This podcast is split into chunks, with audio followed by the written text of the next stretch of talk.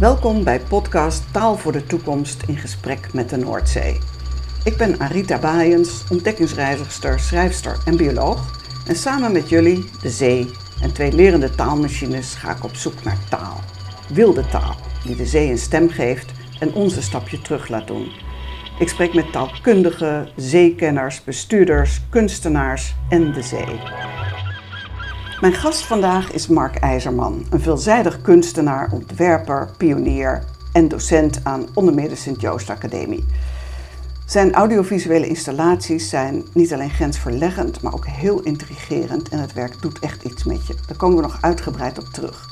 Voor mij is Mark, behalve kunstenaar, ook de man die de lerende taalmachine aan de praat krijgt en achter de schermen aan de algoritmeknoppen draait. Zonder hem en Tivon Rice, de ontwerper van het algoritme, zou dit taalexperiment niet van de grond zijn gekomen. En dat bewijst dat kunstenaars en ontwerpers de smeerolie zijn van de samenleving. We kunnen niet zonder. Want alleen verbeelders, de magiërs van onze tijd, krijgen het voor elkaar een toekomst voorstelbaar te maken waarin natuur spreekt en de mens een stapje terug doet. Welkom, Mark IJzermans. Dankjewel. Ik wil heel even iets over je werk vertellen en dan komt er een vraag achteraan. want ik ben nu wel veel aan het woord, maar dat houdt vanzelf op. Ja, ik vind jouw werk echt heel veelzijdig. En die installaties met geluid en licht, dat zijn eigenlijk technologische hoogstandjes. En je onderzoekt vaak in samenwerking met anderen de relatie van ons mensen met de omgeving. En dat roept bij mij echt heel veel vragen op. Bij de podcast staat ook een link naar je werk. Dus luisteraar, ga op onderzoek uit. Maar ik pik er nu één ding uit uit je grote oeuvre. gaat over Songline, wat je in 2016 samen met een collectief maakte. En dat resulteerde in een geluidswandeling door een Belgisch bos. En de luisteraar die loopt in het donker langs verschillende installaties en voorstellingen en hoort ook van alles. Dus dat bos komt tot leven. Denk Oerol en dan heb je een idee. En als inspiratie namen jullie de wereldbeschouwing van Aboriginals.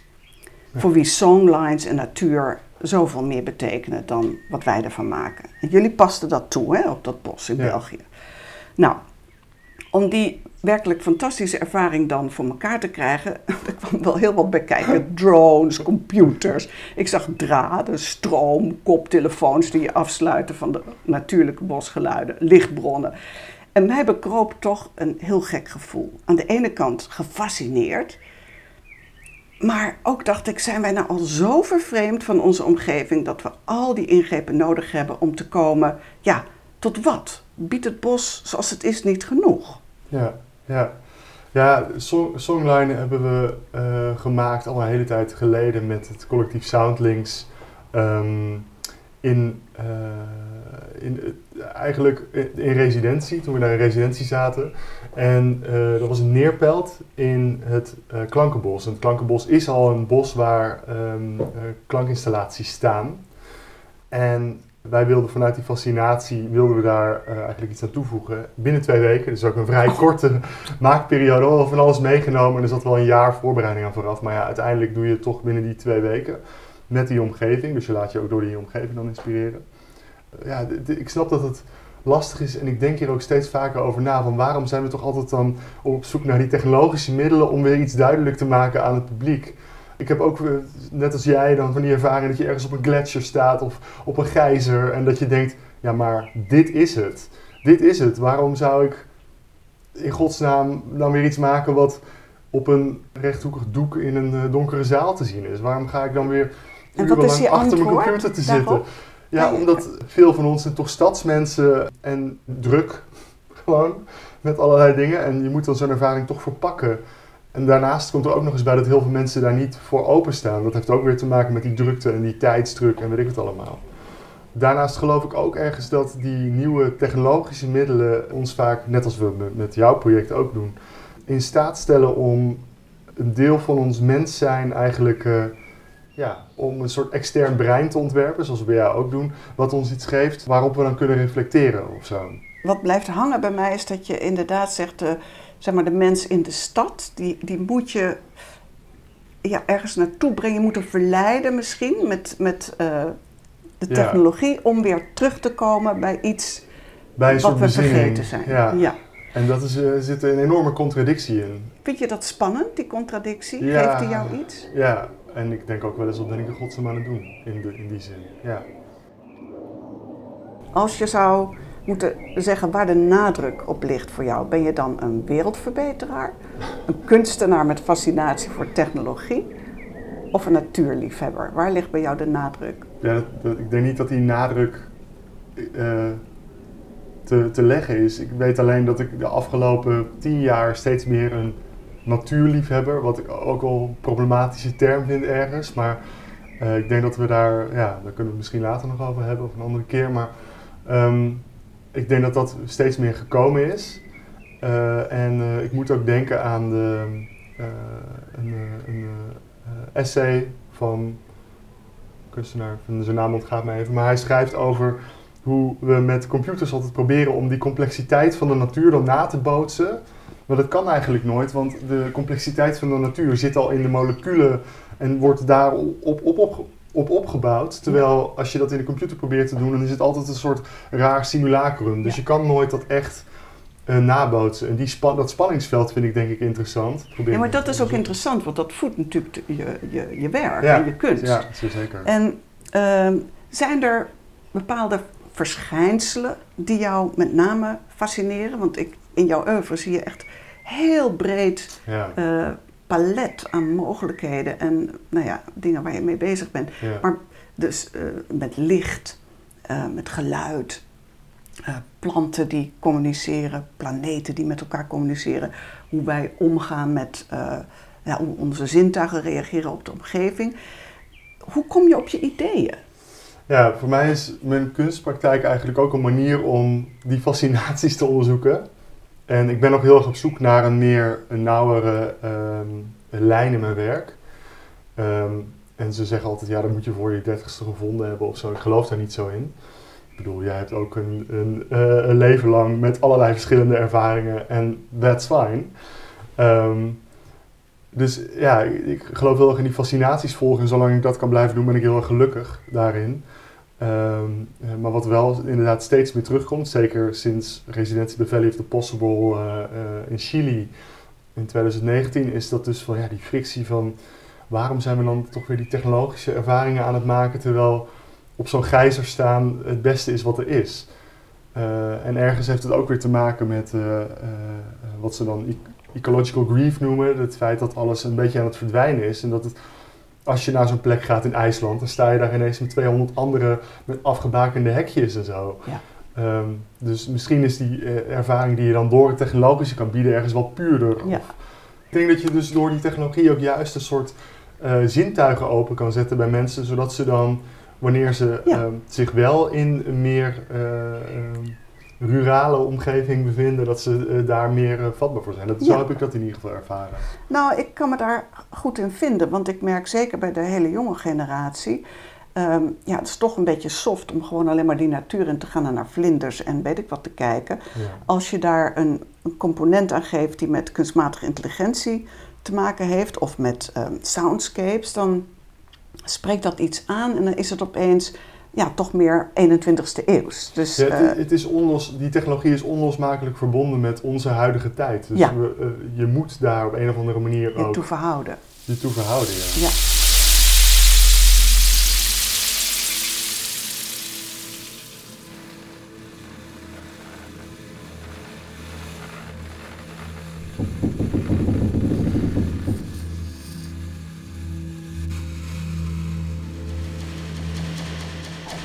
Project, Taal voor de Toekomst, in gesprek met de Noordzee, dat zou echt niet tot stand zijn gekomen zonder technologie, zonder kunstmatige intelligentie.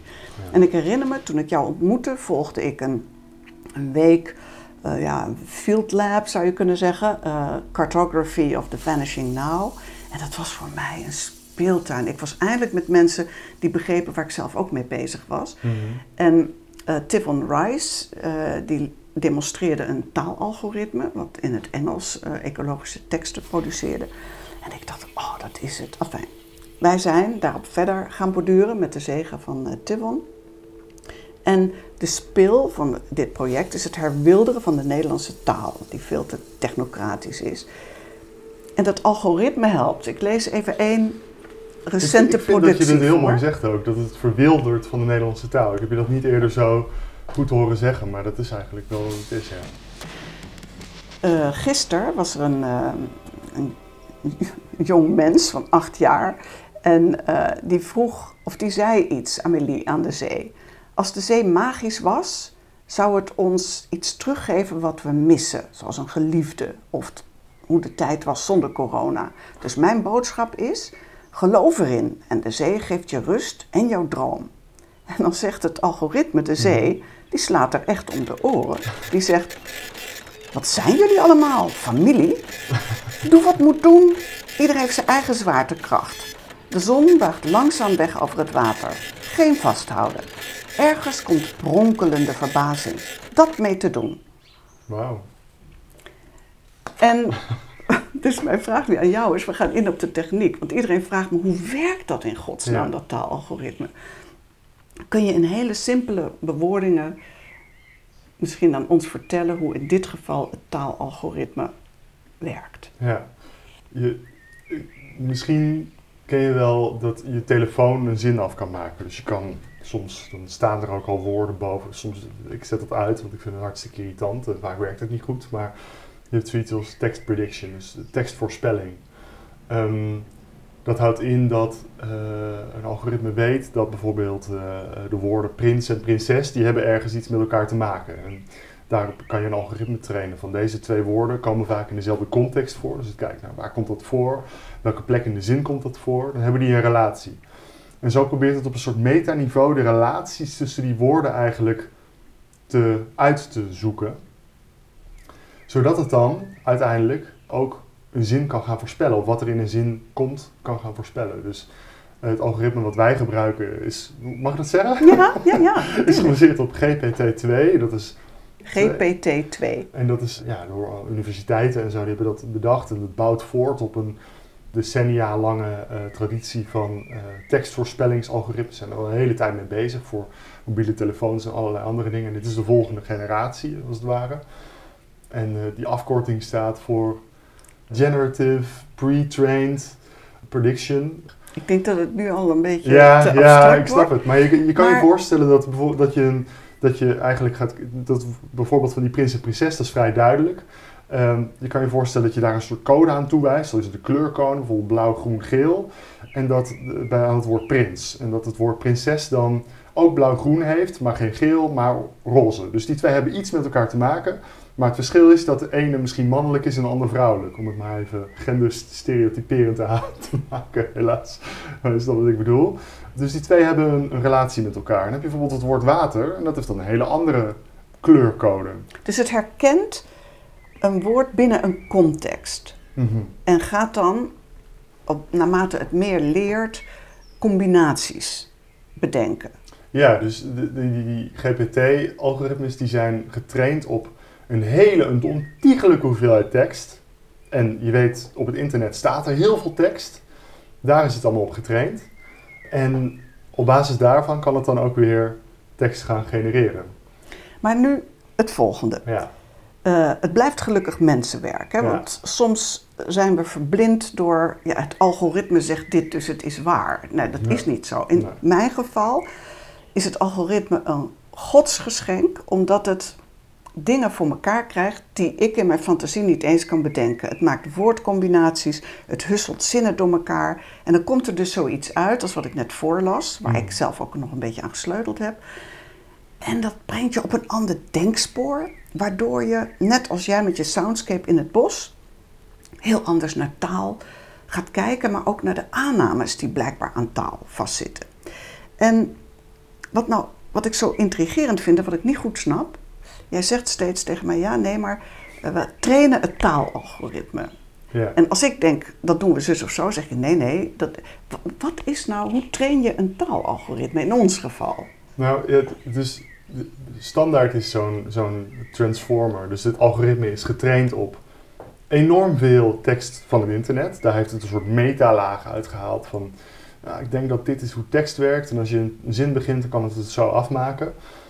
Ehm, maar het generieke taalgebruik gaat vaak over, weet ik veel, eh, eh, presidenten in Amerika of eh, de beurskoersen, weet ik wat allemaal. Maar er zit nog steeds een soort metalaag onder van hoe tekst werkt.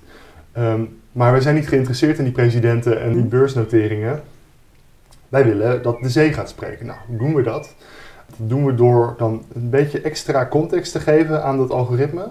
Dus we zeggen tegen dat algoritme: nee, we willen het helemaal niet over die generieke Engels hebben. We willen het over Nederlandse taal hebben en we willen het over de zee hebben. Dat doen we door een hele hoop tekst in te voeren, dus eh, poëtische teksten over de zee. We hebben volgens mij een maritiem woordenboek en zo hebben we eh, daar gegeven. En dan gaat het eigenlijk dat als een context beschouwen. Ja. Dus eigenlijk op, basis, op een basiskennis gaan wij meer een specialiteit toevoegen. Namelijk taal die met filosofie Ja. en de zee te maken Je kan het voorstellen als het algoritme gaat naar school om, zeg maar, als je een studie in de medische wereld gaat doen, dan ga je Ja. eerst ook heel algemeen. Nou, Ja. dat heeft hij al standaard. Precies. En daarna gaat hij zich specialiseren. Kijk, En dat is wat wij doen. Goed zo.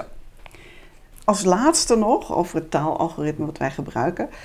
Ik zou heel graag nieuwe taalregels willen invoeren die ik ontleen aan het Perzisch, aan het IJslands. En dat is vrij complex. Dat kan niet binnen wat wij nu doen. We hebben daar ook het budget niet voor. Maar jij hebt net iets gezien en meegemaakt waarvan je zegt, nou dat is werkelijk te gek, GPT-3. Ja, ja, En zou het daar kunnen dat we daar ja. nieuwe taalregels aan de Nederlandse taal toevoegen of is dat nog een stap te ver? Eh, GPT-3 is dus de volgende versie hiervan en eh, ook zeer beperkt beschikbaar. Eh, waar GPT-2 eh, openbaar was en iedereen er gebruik van kan maken, is GPT-3 eh, onderdeel van een be- groot bedrijf. En dat is een grote bedrijf, is onderdeel van Microsoft zelfs. En ze houden dit een, een beetje toch achter, omdat ze wel begrijpen dat dit ook, ja, je kan daar ook nare dingen mee doen. Met als je ongelimiteerd artikelen kan genereren en overal op het internet kan plaatsen, dan kan je ja, mensen beïnvloeden. Ja. Wij, wij beïnvloeden mensen dan ten goede, maar dat kan ook Ja. fout gebruikt worden. Eh, en dit algoritme hoeft niet eens getraind te worden. Dus dit snapt zoveel van taal. Je begint gewoon, het, het, je begint met een soort prompt. Je stelt het een vraag bijvoorbeeld. Het haalt al zijn context uit die ene vraag en gaat daar al op reageren. Ehm, dus ik kan me zomaar voorstellen, als jij in jouw prompt ook begint met een vorm waar al die, die Ah, taalregels in zitten, Ja. Dat hij dat oppikt. dat hij dat dan oppikt, dat hij Oh. daarmee doorgaat. Maar ja, kern hiervan is, zoals je zegt, nog steeds mensenwerk. En gebaseerd op artikelen en zo. Ja. En de dingen die op het internet te vinden zijn. Dus het is maar de vraag. Of maar in ieder geval, wat mij eh, hieraan intrigeert is. eh, ik kan het zelf allemaal niet eh, programmeren en dergelijke. Maar ik zie wel dat zo'n algoritme, de kunstmatige intelligentie, kan je helpen om iets uit te zoeken. Wat, kijk, taalvernieuwing, dat, daar gaan generaties overheen. Mhm. En ik wil het nu. Ja, En dan hebben we het nog niet meteen in het eh, Nederlands toegepast, maar daar gaan we ook aan werken. Maar ik blijf gewoon in jouw voetspoor meelopen en wie weet op een dag ja. kan het dan. ja, en wat ook wel interessant is, is dat we dus, we maken gebruik van die, van die algoritmes. eh, en soms op een manier dat eigenlijk ons veel geeft, maar eigenlijk niet hoe het al- algoritme oorspronkelijk bedoeld is. Dus dan trainen we het maar half, zodat we dan een nieuw vocabulaire krijgen en het woord bij elkaar voegt wat je niet verwacht. Want als het algoritme te correct zou werken in mijn geval, Ja. dan kom ik niet op nieuwe denksporen. Nee. Want zo'n woord, ik heb hier nog een heel mooi woord, Ja, eh, ik ben wel benieuwd. dispelt. Iemand vroeg aan de zee, Mout, dag zee, ik kan uren naar je kijken, daar word ik rustig van. Waar word jij rustig van? Nog een goede Het is- vraag. En dan zegt de zee, of het algoritme, het is anders. In het donker mijn boosheid dispelt. De surf is anders, korte golfslag, bibberende slanke vlek. Heb het niet op de lucht. Dan ongrijpt de omgeving, de windzand, het licht laat de zee liggen. Ja, ik als schrijver krijg knikkende knieën van zo'n prachtige tekst. Maar Ja. snap je, dus ik ben gebaat voor, voor dit project bij gekke antwoorden.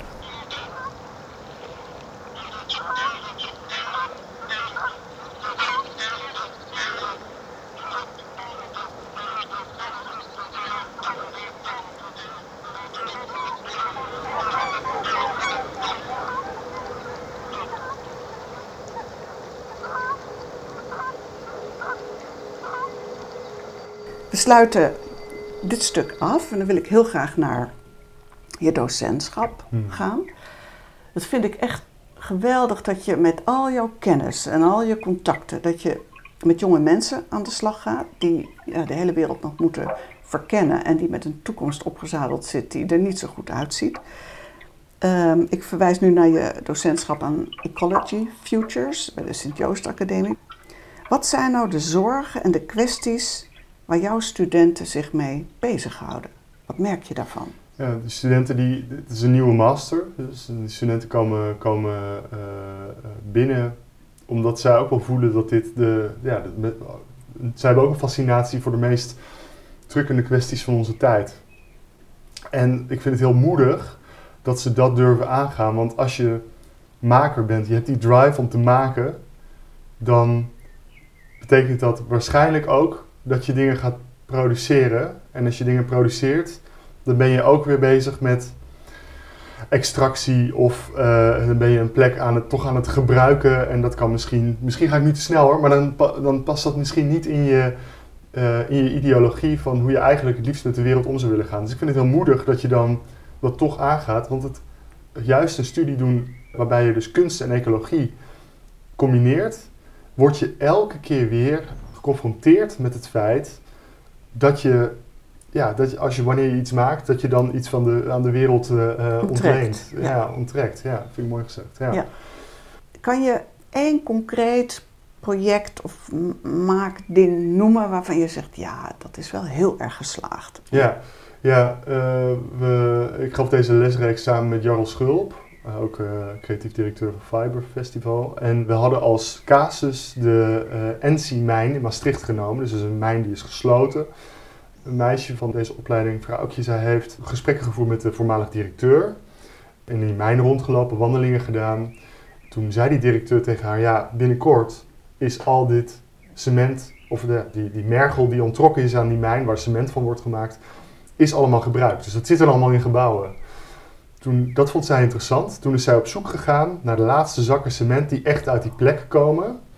Nou, dat was heel veel gebel en op marktplaats berichtjes gestuurd en weet ik het allemaal. En bouwmarkten gebeld.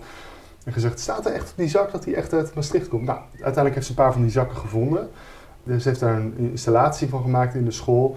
En eigenlijk kleine bakjes gemaakt waarop ook het logo staat, dat ook op de zak staat.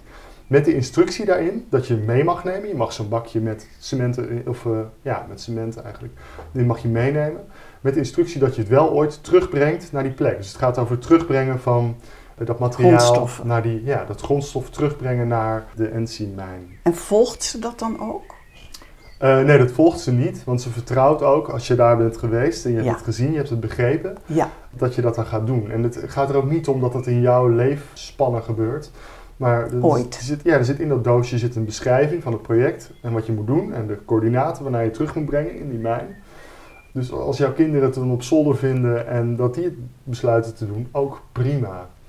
Wat prachtig. Ik vind het ook de moeite waard om te vermelden bij de podcast. Een link te leggen naar het project. Dan kan iedereen kijken en daar het haren of het zijne aan ontlenen. Ja.